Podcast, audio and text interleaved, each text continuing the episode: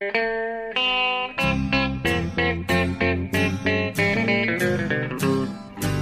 out there, we're on the air. It's hockey night tonight. Tension grows, the whistle blows, and the puck goes down the ice. The goalie jumps and the players bump, and the fans all go insane. Someone roars, Bobby scores at the good old hockey game. Oh, the good old hockey game is the best game you can name. And the best game you can name is the good old Hallå, hallå, hallå, hallå, hallå, hallå, hallå där, hallå, hallå! Hallå och välkomna till eh, NHL-podcastens, eh, ja, ska vi kalla det smygpremiär för säsongen? Ja, det tycker jag att vi kan säga, för nu, från och med nu så kommer vi väl satsa på att köra i princip en gång i veckan. Yes, och eh, det här är också samtidigt, ja, det är nummer 252 ska vi säga. Allra viktigast att poängtera. Ja, det är viktigt för dig, kronologi-ondskan. Ja, annars kan inte jag Eh, koncentrera mig. Nej. Och eh, det är också eh, det årliga eh, live-avsnittet, eller vad vi ska kalla det, in Stockholm-avsnittet. Där vi båda två sitter på redaktionen i Stockholm i vårt lilla, lilla podcastrum här. Ja, det känns ju otroligt ovant på det viset också, men det är ju en liten tradition numera. Ja, det har blivit det. Ja. Vi sitter här mitt emot varandra. Jag, jag är alltså hemma från eh, New York på Sveriges semester. Det har inte varit mycket till semester. Det har varit otroligt intensivt, framförallt här i Stockholm. Det har varit mycket möten och mycket eh, få ihop pusslet med alla som måste träffas och pratas och, och, och så. Så jag är alldeles slut, svettig och upprörd över att inte ha någon airconditioning här inne i den lilla skrubben. Precis, vi får se hur länge vi orkar snacka idag för att eh, vi är ju taggade men det är alltså 35-40 grader här inne. Ja, och ingen aircondition. Så att, eh, det här lilla poddrummet, eh, ja, på ett sätt så, så trivs vi bra ändå när du sitter i New York vid din fina våning 48 där och jag får sitta i mitt Örby. ja då slipper man se det också. Ja, då slipper du se mig nu liksom, bara en sån sak. Ja, nej, Nej. men, eh, nej men jag förstår att, förstått att du har eh, tajt schema och jag var ju faktiskt i Dalarna härom helgen och tänkte att det passar ju bra när Bjurre också är där men då sa han bara nej, du är inte prioriterad här. Jag har ett, ett, ett tajt schema med folk jag ska träffa, det, det kommer jag se i Stockholm ändå. Så det, Ja, det blir ju så där också. Nu, nu ska jag åka tillbaks. Vi spelar in det här i torsdag. Mm. Fredag morgon åker jag tillbaks till Borlänge och eh, ska ju framförallt gå på Brage Guys på Donnersvallen fredag ja, det är ju det som är hetast för dig just nu. Du skiter lite grann i, i egentligen i NHL just nu. Nu är det superettan som gäller. Nej, Elius-match, vet du, det blir stort. Och eh, jag var ju faktiskt också, eh, jag har varit på hockey under, under vintern det. här. Eller under vintern, Under under, under, ja. Sverigesemestern. Jag var uppe i Leksand på, på 100-årsmatchen där. Det Ja. var en, en eh, riktigt magisk upplevelse faktiskt. Eh, när den, denna ärevördiga förening drog ut alla sina legender på isen. Ja, alltså nu tycker jag ändå att du håller tillbaka lite grann jämfört med ditt sms till mig som var först liksom en räcka med oj så jag inte oräkneligt antar oj, oj, oj och så vidare. Och sen så kom det bara att det här NHL är ingenting mot att stå i samma omklädningsrum som Mats Åhlberg och Nej men det var faktiskt sant. Alltså när jag på morgonen, jag var där på en morning skate då. ja, det är, är oväntat att de till och med har en morning skate på men en legendarmatch. Ja men vad fan, de är ju så stela leder och så Ja. gamla män som inte har spelat på länge. De var tvungna att värma upp lite. Ja i alla fall, då, jag- bodde ju hemma hos min kompis Niklas Eriksson där på Movägen alldeles vid ishallen. Ja. Och gick med honom eh, och, och hallen var liksom inte öppen så jag fick lov att gå med honom ner i omklädningsrummet. Och då kände jag så här att, ah, alltså ja, jag, jag ser stjärnor eh, nästan varje dag i NHL. Alltså. Ja. Men det här är barndomsstjärnorna, barndomsidolerna, Labråten, eller Labraten La, som, la, labraten som jag säger. Ja, ja. och Söderström. hur och- histo- historielös jag är, det är Ja, den här kompanjonen du har mitt emot dig. och, och P.O. Brasar och, och, och Göran Högosta och Christer Bröderna Abrahamsson och så här. Jag vart som en, eh, jag vart liksom så här starstruck som jag inte blir till vardags. Ja. Ja, jag, Det, är sånt, så- det sitter så djupt, det, det som var ens idol när man var barn, det, det går inte ur. Ja, jag förstår det, jag förstår det. Eh, alltså, jag har reagerat lite under sommaren liksom på att så här, Matt Cullen och den typen av spelare har slutat. Och jag tror att de betyder ingenting för dig. Men de var ju liksom, de kom ju fram när jag var 10-12 år och precis började. Ja, det var ett oväntat namn. Men, ja, men eh, den typen av spelare hade precis liksom etablerat sig när jag började kolla på NHL. Så det, de betyder mycket för mig. Och jag kommer ihåg att du har sagt också, när du skulle, jag skulle fråga, vem är din idol? I, så här, då förväntade jag mig att det skulle komma någon 80-talsstjärna från NHL och du bara, nej, Roland Eriksson. Ja, ja han var ju också där alltså. Hälsa på då, han ser fortfarande ut som eh, en filmstjärna i Hollywood. Så Är det så? George Clooney. Oj, oj, oj. Han kom fram och hälsade på mig, jag är på att svimma faktiskt. Ja, ja du ser. För våra, våra mammor jobbade ihop på Handelsbanken i Borlänge en gång i tiden. Så att, det här måste jag väl ha berättat någon gång. Att han, eh, det var ju på 70-talet, han spelade för Minnesota North Stars. Just det. Och jag fick en t-shirt med Minnesota North Stars och gick omkring i Borlänge med. Det var extremt exklusivt på den Ja, tiden. det förstår jag. ja. ja, jag förstår att du knappt kunde stå på benen. Men det var ju också några, några samtida stjärnor. Eh, Filip Forsberg och eh, Jakob Delarose var ju med också. Ja, ja. Och eh, Filip spelade med, med Dan Söderström och Mats Åhlberg. Och jag sa det åt honom att fan det här, är, det här kommer ju, nu kommer ju Ryan Johansson och Victor Arvidsson att framstå som ingenting i, i vinter. Alltså, ja, jag tycker framförallt det är skönt att, jag tror jag kan säga att jag inte var långsammast i den här kedjan. Som jag brukar vara, så, men det är Oj, inte sant. och du skrev ju en, en fin krönika som man kan läsa också på sajten. Där du verkligen Ja. inte skräder orden. Nej, jag fick eh, leva ut mina Leksands, eh, men jag behöver inte hålla igen med att jag är fan.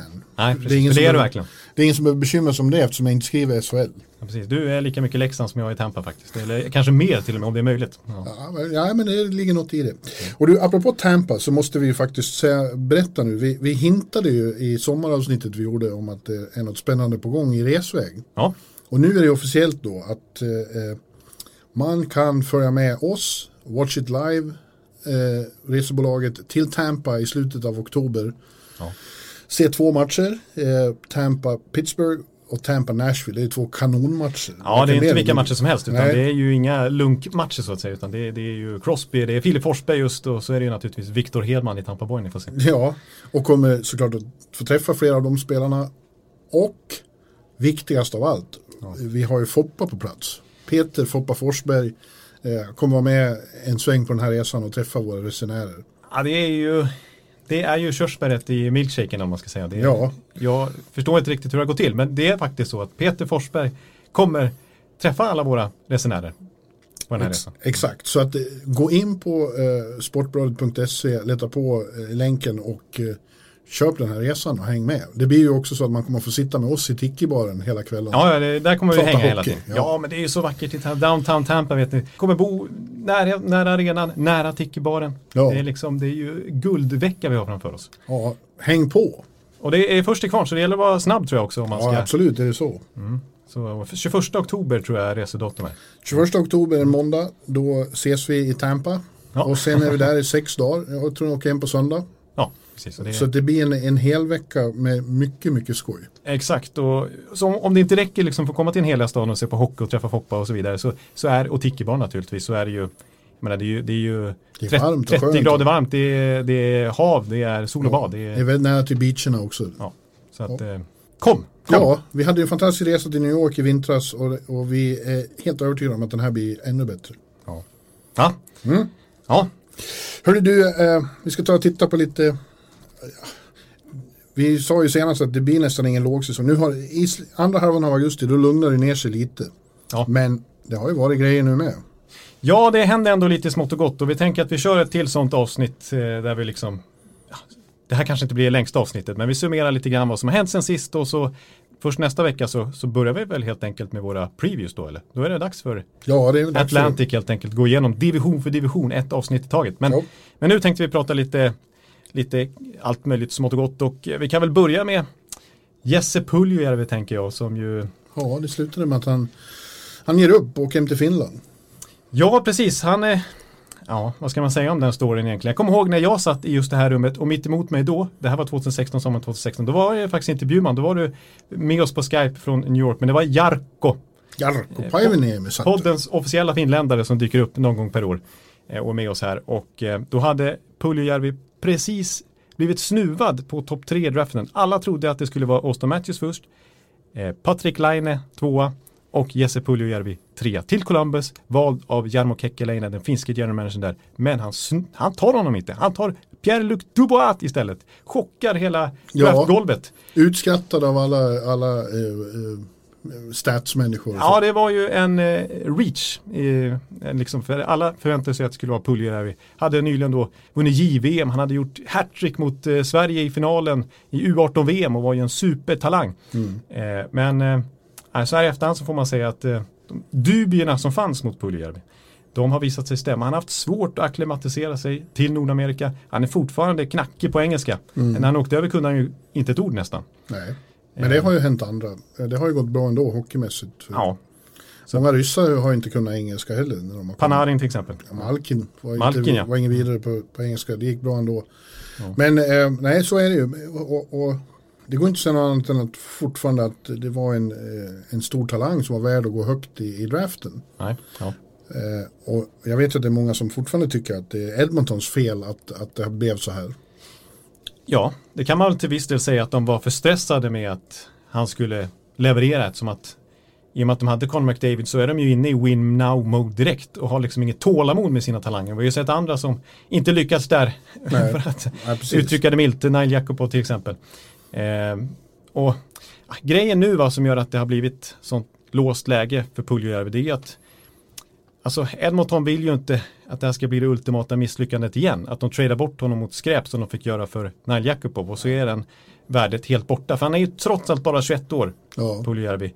Eh, så att Ken Holland, nya general manager, han vill inte börja med att trada bort en gammal juvel för ingenting. Eh, så att medan Puljujärvi i sin tur, han vill inte skriva på för Edmonton igen. Han är så trött på behandlingen där. Visst, det kommer en ny tränare, hans tredje under sin session i Edmonton. Ja.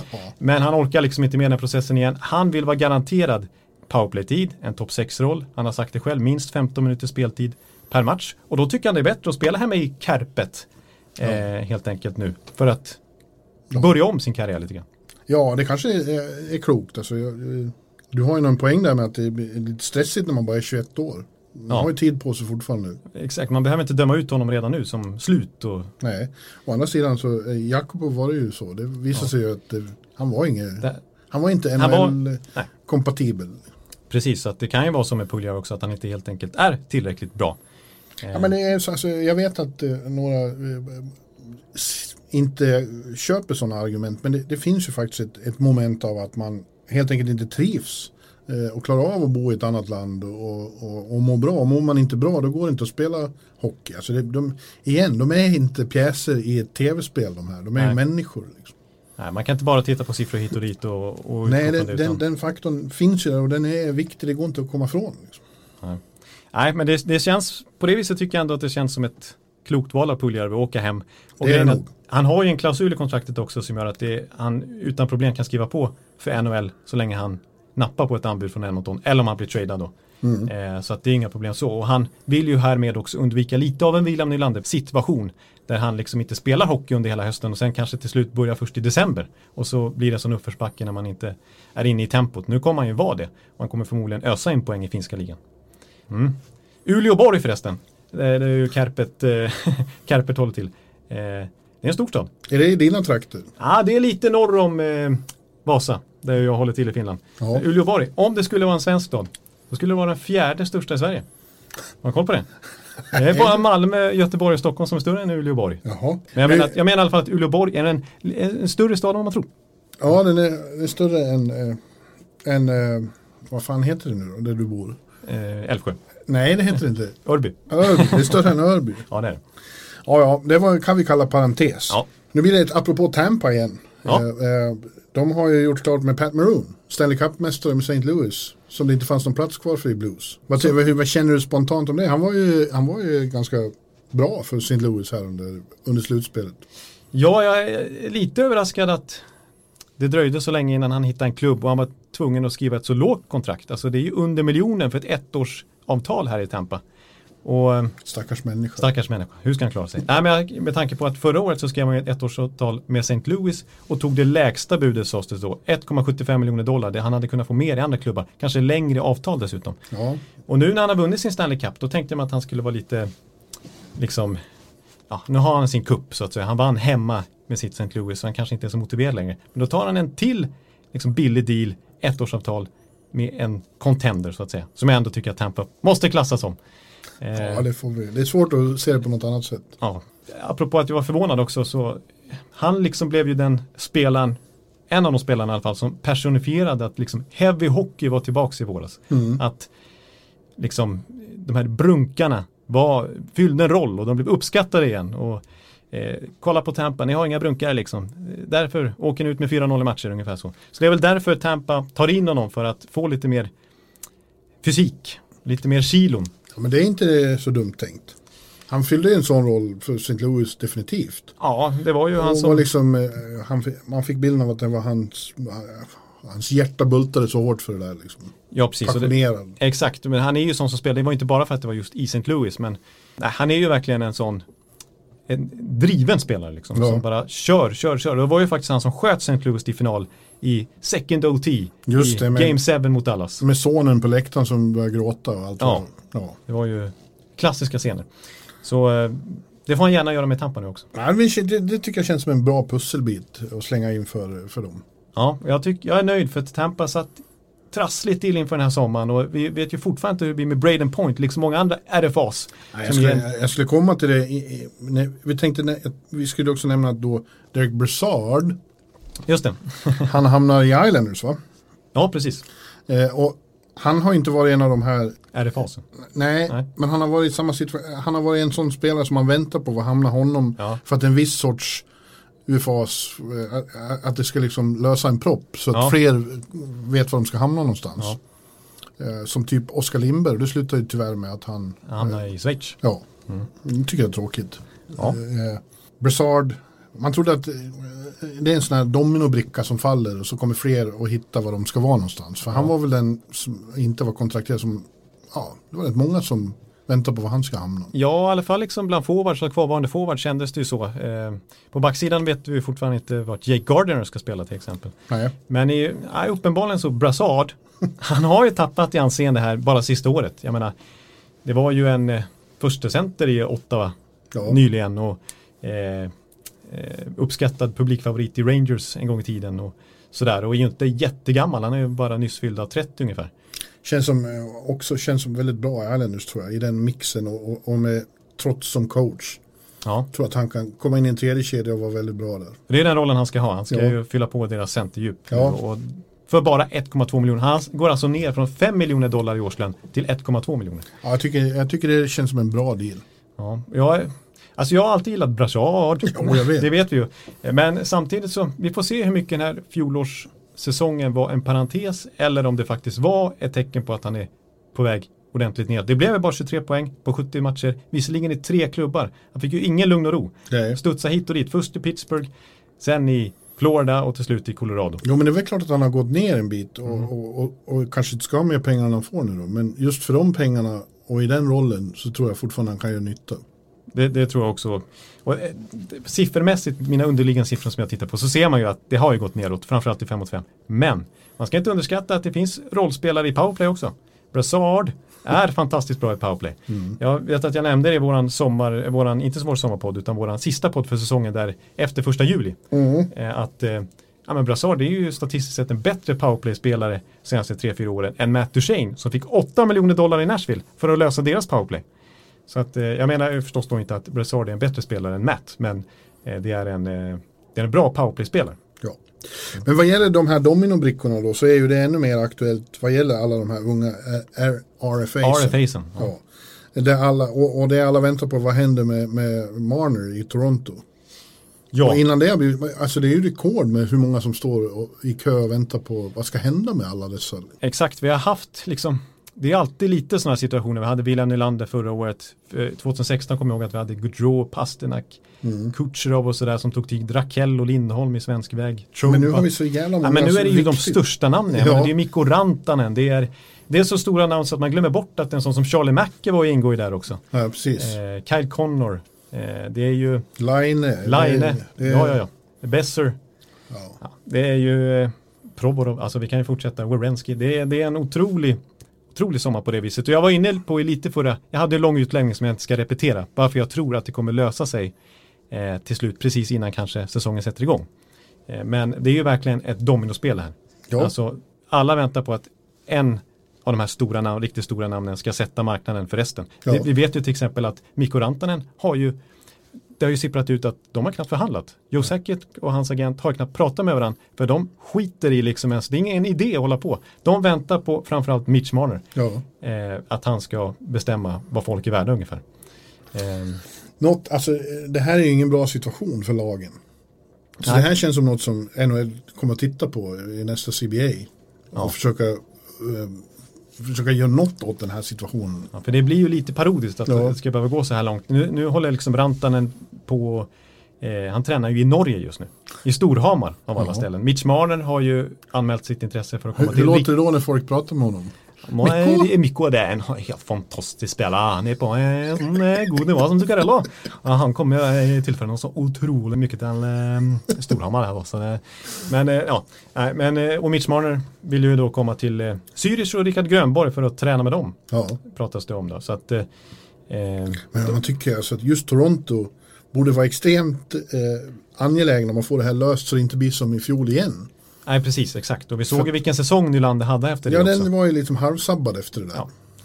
Och de är inne i win now mode liksom. De Ja. kan inte hålla på och ställa till det för sig själva. Nej, Och jag får väl dra en kort version av den där långa utläggningen från förra podden och bara säga det att skriver man så på en bit in i säsongen eh, som Nylander gjorde, han skrev ju på eh, till och med nästan i december. Ja, Eh, allra sista dagen. det Ja, var- det var ju sista timmen han skrev på ja, eh, innan deadline första december. Eh, men då blir det alltså så att för varje dag som går så blir capitet högre än vad det egentligen är första säsongen. Alltså om vi säger att han skriver på för 10,5 miljoner Mitch Marner. Så för varje dag som går så just första säsongen så blir capitet högre och capitet lite lägre resterande del av åren. Om vi säger skriver ett femårskontrakt så de sista fyra åren så blir det lite lägre men första åren högre. Och Toronto har inget löneutrymme för det.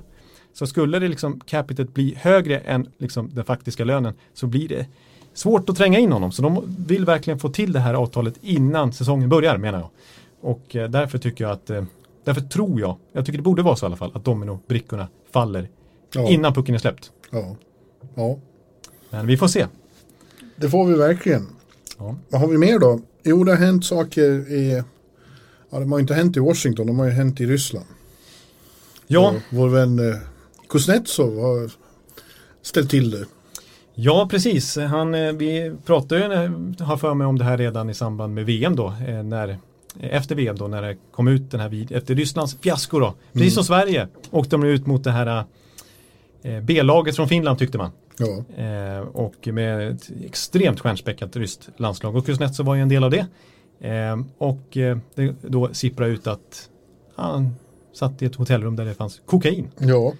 Eh, och förnekade att han var inblandad. Han hade bara gått därifrån. precis, han hade blivit förskräckt och gått därifrån och hade ingenting med det att göra och han har aldrig någonsin hållit på med Nej. knark whatsoever. Men nu har han åkt dit för kokain och det har hittats i hans blod. Ja, precis. I samband med VM dessutom. Ja, ja. Ja, inte så lyckat. Inte bra det här. Precis. Kos. Nej, exakt. Och det här innebär ju då som ni kanske har koll på förstås då att eh, han har blivit avstängd i fyra år av internationella ishockeyförbundet. Han får inte delta i några VM eller OS om det skulle bli tal om det Nej. eh, de kommande fyra åren. Däremot i NHL så spelar det här, det här spelar ingen roll rent avstängningsmässigt. Där klassas ju inte kokain som en prestationshöjande drog och därav så ja, får man ingen avstängning på det viset utan man erbjuds ju då att ingå i liksom NHLs rehabiliteringsprogram för drogproblem. Ja, de gör så. Det, är ju ett, ett, eh, en skuggsida av, ja, inte bara NHL, all amerikansk proffsidrott. Ja. Det är så mycket business så det, är ju inte tillnärmelsevis samma kontroll. Och, och vad de stoppar i sig, det vill man knappt veta. Nej, precis. Det har vi ju koll på. Det har vi ju erfarenhet i Sverige till exempel vad Niklas Bäckström råkade ut för. Det han tog var, är ju helt tillåtet i NHL, det är inga Ja. problem. Nej, nej, visst. Men jag, tror det finns ju annat också, de tar sömntabletter, de tar skit. Eh, Ja. usch, Precis, och samtidigt kan jag ändå tycka kan jag ändå uppskatta det här med att de har ett eh, rehabiliteringsprogram. det är såklart har, bra. Att de har en eh, Men ett program låt oss, för det. låt oss eh, det kan ju mycket väl vara så, eh, om vi ska vara helt ärliga, att han inte behöver någon rehab. Han har varit på party och tagit cola. Liksom. Ja. Ja. Jag är rädd att eh, de gör det ibland, utan att de behöver vara missbrukare. Nej, precis. Och, och det här är ju, sånt här, liksom fastnar man för ett kokaintest i, i NHL så är inte det något som offentliggörs. Nej, Det hålls ju hem. sak. Ja, så eh, och, eh, 2015 så kom det faktiskt fram att Jarrett Stoll på något party med massa Kings-spelare i Vegas Mm. eh, hade massa droger på sig, bland annat kokain. Och det kom ju ut och blev en skandal. Eh, men då sa ju faktiskt Bill Daley, alltså vicekommissionären på någon presskonferens att ah, det, det har ökat kokain eh, i NHL. Det är, det är rätt många spelare som åker fast för det. Det är ju helt sjukt, Och- men det, det har ju NHL delvis rätt i då att det inte är prestationshöjande. Det blir man ju bara Nej. Nej, det är tvärtom snarare. koko i huvudet. Ja, Eh, ja, eh, men det, det har väl att göra med att de vill liksom koppla av. Eh, De lever med stress och så. Liksom. Eh, Ja. ja, Vad vet jag? Det, Man ska försöka undvika det tror jag. Jag tror nog också det. Eh, man kan ju tycka att man pratar ju så mycket om att spelarna ska vara förebilder och så vidare och det är många barn som tittar på en och ser upp till de här spelarna. Eh, att man borde statuera exempel och liksom stänga av spelare. Kanske det. Men eh, Det gör de inte. det gör är de för mycket business. Det är för mycket pengar helt enkelt. Du, vi har en ny... Uh, uh, general manager har vi fått. Då, det, det var ju senast pratade vi om det lätt chockerande att Minnesota sparkar sin GM eh, efter ja, mindre än ett år. Eller lite drygt ett år. Ja, det var ju en stor punkt för oss eh, i senaste podden att Paul Fenton eh, ja, den cirkusen bara blev ettårig Ja. och på ett sätt kändes rätt. Han eh, funkar inte alls där och det kom ju alarmerande rapporter om hur Ja, vi behöver inte ta det igen. misskött han hade eh, och liksom hur o- oomtyckt han var där i organisationen. Och nu känns det som att man gör raka motsatser och tar en genomsympatisk person. Nämligen Bill Garin. Bill Garin. Ja. Jag har svårt med hans efternamn. Jag höll på att säga något alldeles galet nu. Oj då. Gurin. Ja, nej, men Bill Garin. Eh, Det är en mycket omtyckt person som efter han avslutade sin karriär i Pittsburgh var med och vann en Stanley Cup. ja, det är en, eh, en av de bästa Stanley Cup-serierna du har varit bevittnat vad jag förstår. Kanske den bästa till och med. Ja, ja de där två åren brukar Ja, jag klumpa ja ihop. ja, just det. Eh, sen så, han var ju extremt populär i laget. Han kom vid trade deadline och Crosby älskade honom och så. Och sen har han ju varit kvar och senast var det assistant GM. Ja, Eh, och ja, som sagt en extremt populär person. Ja. Och eh, ja, det- det känns ju som om det har varit sådana eh, friktioner i Minnesota så känns det som han kommer att vara en skön olja på vågorna där. Precis. För i slutändan verkar det som det stod mellan Ron Hextall Ja, och eh, och honom hade de inte behövt. Och då förstod vi kanske varför, vad det föll på till slut. Att Ron Hextall, jag tycker att han skulle rent, hans liksom GM-stil, alltså inte personlighetsmässigt utan taktik, strategimässigt hade passat, Oj, förlåt. hade passat perfekt. Det är dammigt här inne också. Ja, det är både svettigt och, och dammigt. Och inget syre. Inget syre whatsoever. Men, ja, men hans GM-stil passar på det viset att han, vi såg vilket gott skick han lämnade Philadelphia i, för framtiden i alla fall. Byggt upp deras prospect pool. Rent hockeymässigt. Blivit av med massa jobbiga Men kontrakt. han hade ju varit så här mikroboss och Ja. lagt sig i allting. Från hur de var på kontoret, vad de åt och vad vaktmästaren åt i princip. Exakt, liknande rapporter som kommer från 15 ungefär. Då, liksom. Precis det de inte vill ha. Så därför tar de naturligtvis Garin. Men jag menar då att i Minnesotas fall så tycker jag att de är lite liknande situation som Philadelphia var då. De står och trampar vatten där i, Då, då i mitten av tabellen. Liksom vill uppåt men kommer inte riktigt dit. De är bakbundna av jobbiga kontrakt. De har draftat alldeles för dåligt under en längre tid. I Minnesotas fall. Sen 2013 så är det bara en spelare som är Minnesota-draftad som gjort över 40 poäng i NHL. ja, Och vet du vem det, vet du vem det är? nej. Alex Tack i Vegas. Ja. Eh, tvåa är Joel Eriksson Ek som Bill Garin skrev kontrakt med direkt ja, han började med det och visade ju initiativförmåga genom att Ja. fixa det direkt. Exakt, men det säger ganska mycket om hur svag svagt det har sett ut för Minnesota i draften. Då blir det ju att man liksom fyller inte på underifrån som alla andra framgångsrika contenders gör. Eh, och där är ju Ron Hextall väldigt stark och liksom bygger or- organisationen underifrån. Jag hör vad du säger, men Eh. jag tror att det blir bättre med Billy. Ja, jag, jag håller med om det och som du säger, alla har positivt att säga om honom. Han ska vara en fantastisk kommunikatör, binda ihop Mm. liksom, eh, gruppen så att de liksom alla drar åt samma håll. Han är liksom inte någon sån här som söker ja-sägare som vill ha, som tycker likadant som honom, utan han vill ha olika perspektiv. Eh, han vill ha analytics-folk, han vill ha luttrade scouter, han vill ha erfarenhet, han vill ha ung entusiasm. Så att, Yes. eh, Det blir nog bra på sikt, men eh, som Central ser ut i år så kommer det kan bli ett svettigt år för Minnesota. ja, jag tror inte att han, eh, han har ju sagt då liksom att nej, men vi ska vara konkurrenskraftiga direkt. Eh, vilket ju Craig Leopold vill höra. Han är ju besatt av att vinna Stanley Cup där med Minnesota, ägaren. Men Mm. jag tror det kommer ta ett tag ändå, trots allt. Inte ens du tror riktigt längre på Minnesota. Nej, det har ju varit ett, eh, en sån här käpphäst att jag har trott på Minnesota ett tag. Ditt västlag, Att jag, att jag gillar jag gillar framförallt dem på hemmaplan när de sätter fart. Mm. När de har ett, eh, när de är som en bisvärm i offensiv zon. Men det var ett tag sedan. Ja. When you're ready to pop the question, the last thing you want to do is second guess the ring. At Bluenile.com, you can design a one of a kind ring with the ease and convenience of shopping online. Choose your diamond and setting. When you find the one, you'll get it delivered right to your door. Go to Bluenile.com and use promo code LISTEN to get $50 off your purchase of $500 or more. That's code LISTEN at Bluenile.com for $50 off your purchase. Bluenile.com code LISTEN. Det var det. Hörru du, eh, du har... Eh, eh, jag vet att du har suttit på redaktion och försöker tippa. Ja, några precis. Tips, du behöver inte ja. gå in på en, men, men vi kan väl bara konstatera att ja, jag har börjat titta lite på det där också. Det känns, det känns mer omöjligt än någonsin i vissa divisioner. Ja, alltså jag, jag, alltså när det här publiceras snart, eh, det här eh, tipset, jag tippar i tabellen så, så jag håller inte ens med mig själv. Alltså jag blir sur på mig själv. Jag skulle vilja skicka ett argt läsarmail och skriva hur kan du säga så här om, om Pittsburgh Kan eller du, inte- kan, du Carolina? skicka, kan du inte skicka ett mail till Jonathan Ekeliv? Ja, jag ska göra det. Jag är Jonathan. Ekeliv. Ja, men jag, jag, jag, Hur kan du? ja, men jag, så här, jag har hållit på med det här någon, någon dag eller två liksom. Och Du och kommer, dina jävla Tampa-sympatier kan du skriva åt dig själv. Ja, nej, men så, ja, precis. Nej, men så kommer jag in liksom dagen efter och ser vad jag har skrivit och bara, nej det här, så här tycker jag inte. Nej. Så att eh, det är framförallt eh, Metropolitan. Metropolitan känns helt omöjligt. Helt omöjligt. Totalt omöjligt. Vad ska man sätta New Jersey? Ja. Hur mycket har Rangers gått framåt? Vad har hänt med Eh, Islanders? Islanders, är det liksom, var det en fluk eller är de så här stabila? Och jag får, en, jag får en väldigt stark känsla av att Columbus kommer, alla, ingen tror på Ja. Columbus och de kommer använda Jag känner det. också det. Alltså det är precis som Islanders förra året. Ja. Tavares försvinner och allt, Ja. eh, luften går ur. Och de har en coach som verkligen kan svetsa ihop ett lag på det sättet. Precis. Kring en sån känsla. Och jag såg ju vilken lagmaskin Columbus var i slutspelet. Fick jag ju erfara bittert. Mm. Så jag vet ju hur de kan komma ihop som grupp också. Så att, Ja, det ska bli intressant när vi börjar med de här eh, previewsen, Ja. försöker. precis, då kommer man sätta sig in i det ännu mer och verkligen djupanalysera lagen och kanske förhoppningsvis bli lite klokare ändå.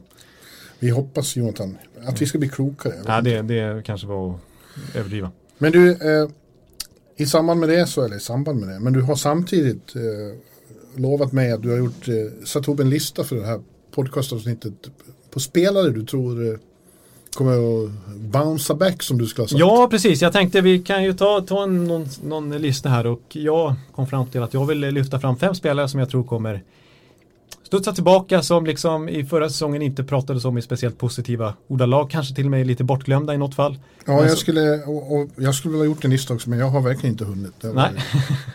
Nej, du har haft ett superkritiskt schema så jag är glad att jag lyckas få in det här idag. Mm. Eh, men, eh, ja, men jag har fem namn så får vi se om du håller med dig om mig eller om att Shoot. Ja, eh, då tar jag det första namnet då. Eh, och jag avslöjar inte vem det är just nu utan jag kommer komma fram till det. För jag, jag tyckte det var intressant, jag har tänkt på det själv och jag tyckte det var intressant att se Mike Kelly på NHL.com, är ju lite statsnörd, sån som jag följer naturligtvis. Eh, så här kommer en lista här eh, på förra säsongens spelare, det här är avancerad statistik, eh, vars zone entries, alltså när de själva tog, Jag in pucken i, så- ja. tog in pucken i offensiv zon, ledde till målchanser. Alltså så här, vilka Mhm. högst procentandel av zone entries som ledde till målchanser. På femte plats har vi Sebastian Aho. På fjärde plats har vi Conor McDavid. På tredje plats har vi Nathan McKinnon. På andra plats Sidney Crosby. På första plats min bounceback-spelare William Nylander. Ja. ja, när du sa den här listan så var det faktiskt ett namn jag också, det tänkte jag direkt. Är det, någon, ja. det har jag tänkt i flera månader nu. Ja.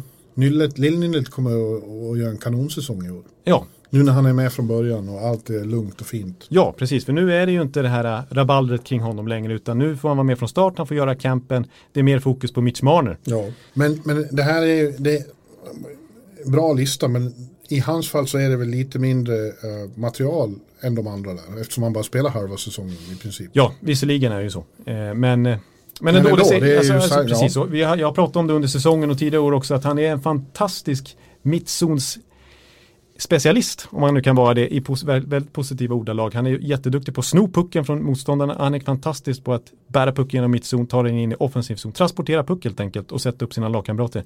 Tyvärr förra säsongen för hans del så hade han usel utdelning när han var inne på isen. Hans, skott, hans egna skott gick verkligen inte in, han gjorde väldigt få mål och lagkamraterna lyckas inte förvalta hans fina passningar heller. För att han, som sagt, han skapar väldigt eh, mycket lägen, visar den avancerade statistiken. Eh, men han fick ingen, utdelning. Men får han spela med Austin Matthews nu, som ju han fick göra delvis förra säsongen, men framförallt den här säsongen nu, så tror jag att, jag menar, Matthews, apropå avancerad statistik, om jag, en slående statistik för honom det är att räknar man mål, han, alltså han har ju missat mycket matcher också på grund av skador genom, under alla sina tre år i NHL. Men faktum är att han har gjort flest mål sett till spelade minuter, ganska överlägset, sen han kom in i ligan, 5 mot 5. Alltså Nylanders passningar, Matthews skott, det är ju en kombination som borde generera väldigt mycket Och Mål. som Abri som jag träffade här igen brukar säga, rätta mig inte om jag har fel. Men han var en av de få som var svenskar som var riktigt bra i VM också. Jag menar precis, alltså William Nylander slog ju dubbel-Nisse Nilssons. Ja, Apropå Leksinga. hyllad, hyll, han är ju inte vid liv längre men såklart hyllad under 100-årsfesten också. Ja.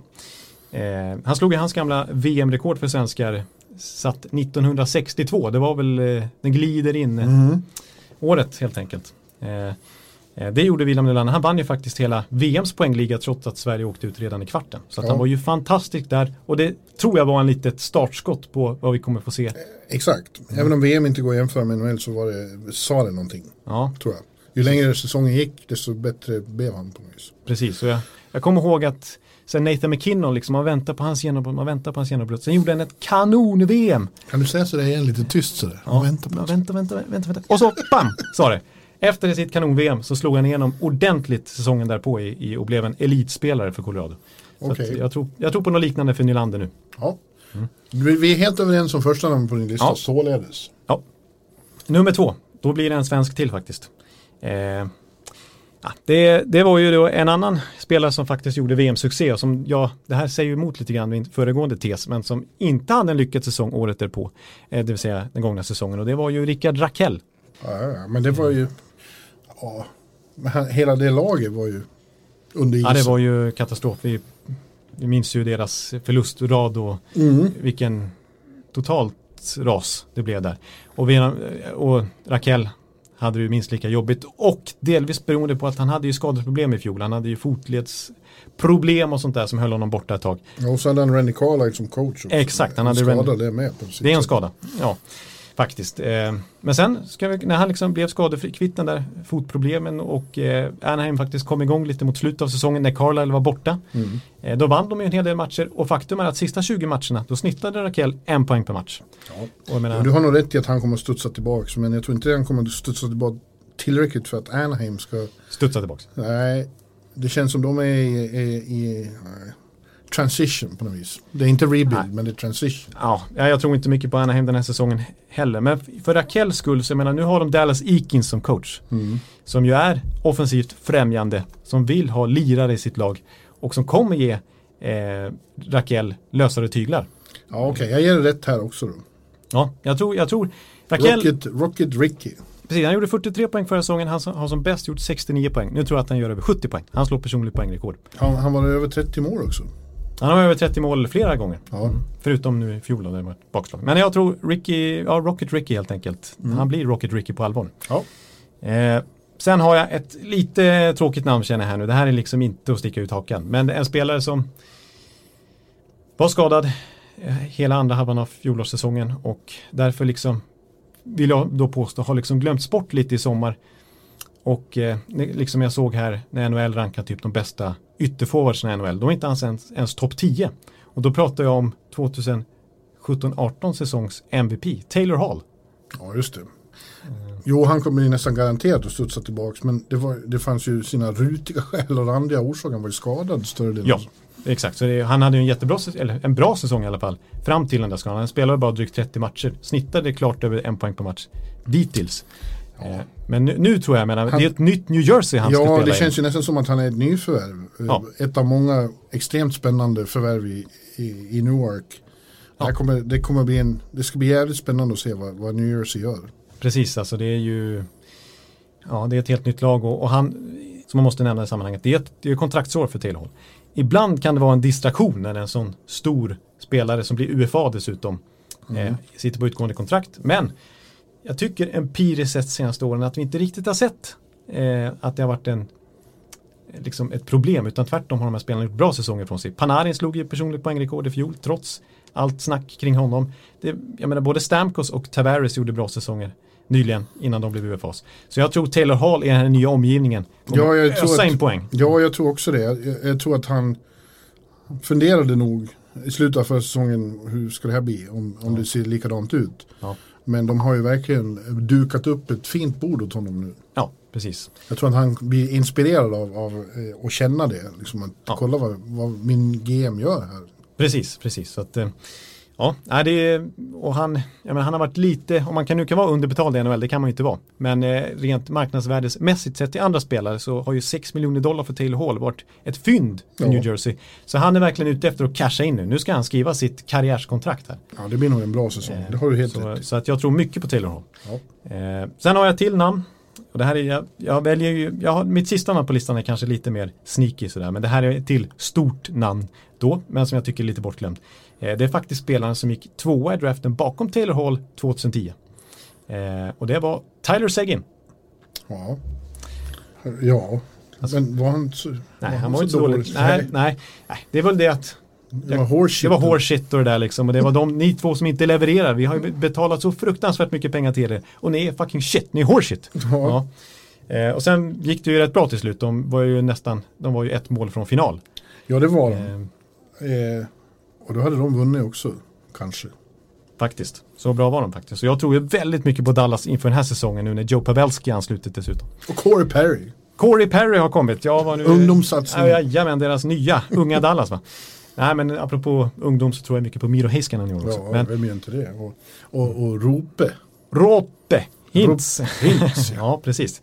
Nej men alltså det är klart att Tyler Seguin inte är någon som bounceback-spelare och någon som som liksom är, lite i skymundan. Men jag tycker liksom att det är en väldigt komplett spelare nu. Men jag tycker inte han får tillräckligt mycket cred för vilken bra första center han är. Han är ju så mycket tvåvägsspelare numera att Dallas frekvent använder honom i boxplay. Men du menar ju då i så fall att, att uh, Tyler kommer vara en av de en topp Ja. fem spelare Ja, i princip. Alltså det kanske är att ta i, jag, jag känner själv det. Men jag menar, när folk, liksom, jag kan tänka mig att när folk, det känslan jag har fått när liksom man ska ranka ligans bästa spelare nu, så kanske Tyler Seguin hamnar 24. Mm. Jag tycker att, jag vet inte topp 10 men i alla fall topp 15. Alltså jag, det är en, han, han har utvecklat mycket i sitt spel och vill lägga till då förra säsongen. Han hamnar bara på 80 poäng vilket är en bra summa, men det är en poäng per match. Eh, men det var ju inte så mycket i sett i konkurrensen i fjol. Det var ju så många som gjorde mycket poäng. Det var väl sex spelare över 100 poäng. Ja. Eh, men grejen var med, återigen, mina siffror där. Tyler Seguin, han gjorde alltså han satte under 10% av sina skott, alltså en väldigt låg skottprocent. Han var 233 med det. Det var alltså 232 spelare som hade bättre utdelning än han har. Ändå gjorde han 33 mål. Så liksom studsar puckarna rätt för Tyler Seguin. Går lite bättre för Dallas i grundserien den här säsongen, vilket det borde göra med det spelarmaterialet.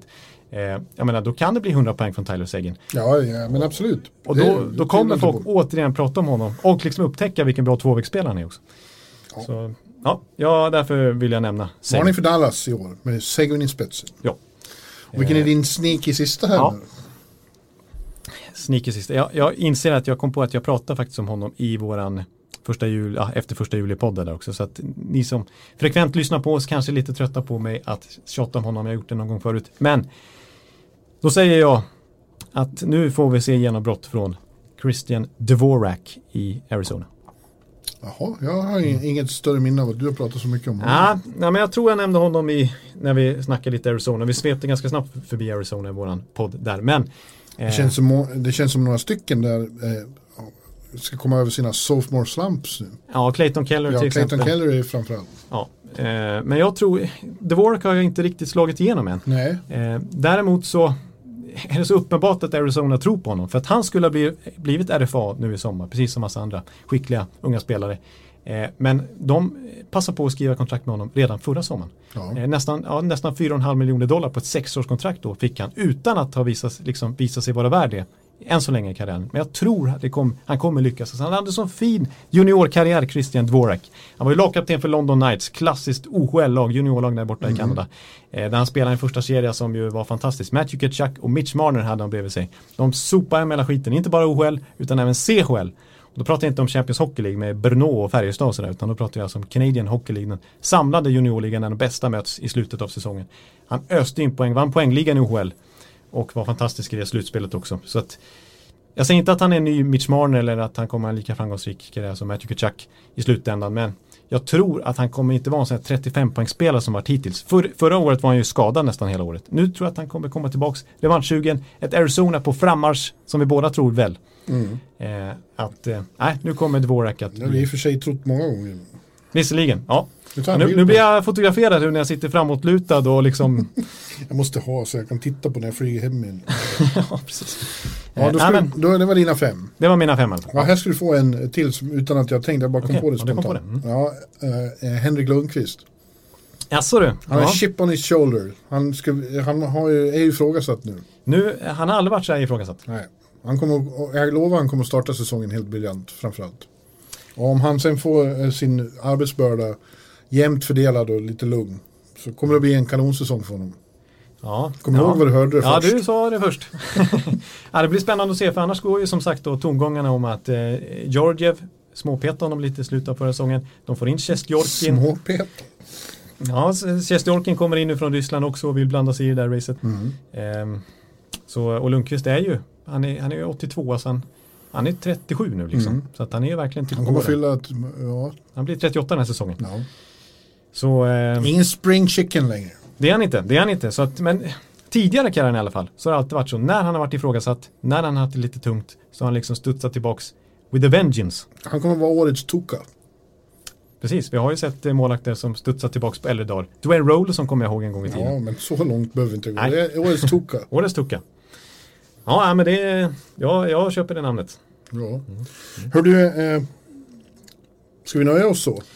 Ja, vi kan väl nöja oss så helt enkelt. Det var en liten kick-off. Det är många som har kick-off just den här tiden på året. Ja, det, precis. Det är ett uttjatat ord här Ja. i slutet av augusti. Liksom. Det är, Synnerligen. men vi har haft vår kick-off nu, tycker Ja, jag. har vi. Och eh, nästa gång vi talas vid, då blir det lag för lag igen.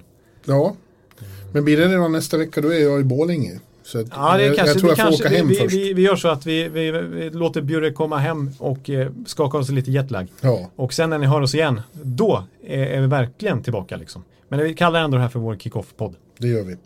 Och den är nu slut. Så vi säger hej då. Hej! Hallå, hallå, hallå. Hallå, hallå, hallå. Alex Chiazot, Joe Luis Arena och Esposito. Esposito. Uttalsproblem, men vi tjötar ändå. Och alla kan vara lugna, inspelningsknappen är på. Bjuder Hanna Kohl, han är grym i sin roll. Från Kållesoffan har han fullständig kontroll på det som händer och sker. Det blir ju allt fler som rattar in hans blogg. Och lyssna på hans podd. One, two, three, speed, so Hallå, hallå, hallå. One, two, three, speed, so Hallå, hallå, hallå. Ekeliv, som är ung och har driv. Verkar stor och stark och känns allmänt massiv. Han hejar på Tampa och älskar Hedman. Sjunger som Sinatra. Ja, och där ser man. Nu är det dags för refräng. Dags för magi, Victor Norén. Du är ett geni. Så stand up at home and remove your hats. Höj volymen, för nu är det plats. One, two, three, speed, so Hallå, hallå, hallå. One, two, three, speed, so Hallå, hallå, hallå. One, two, three, speed, so Hallå, hallå, hallå. One, two, three, speed, so Hallå, hallå, hallå. Det är otroligt länge sedan båda samtidigt var så här bra. Hallå, hallå, hallå. Det är otroligt länge sedan båda samtidigt var så här bra.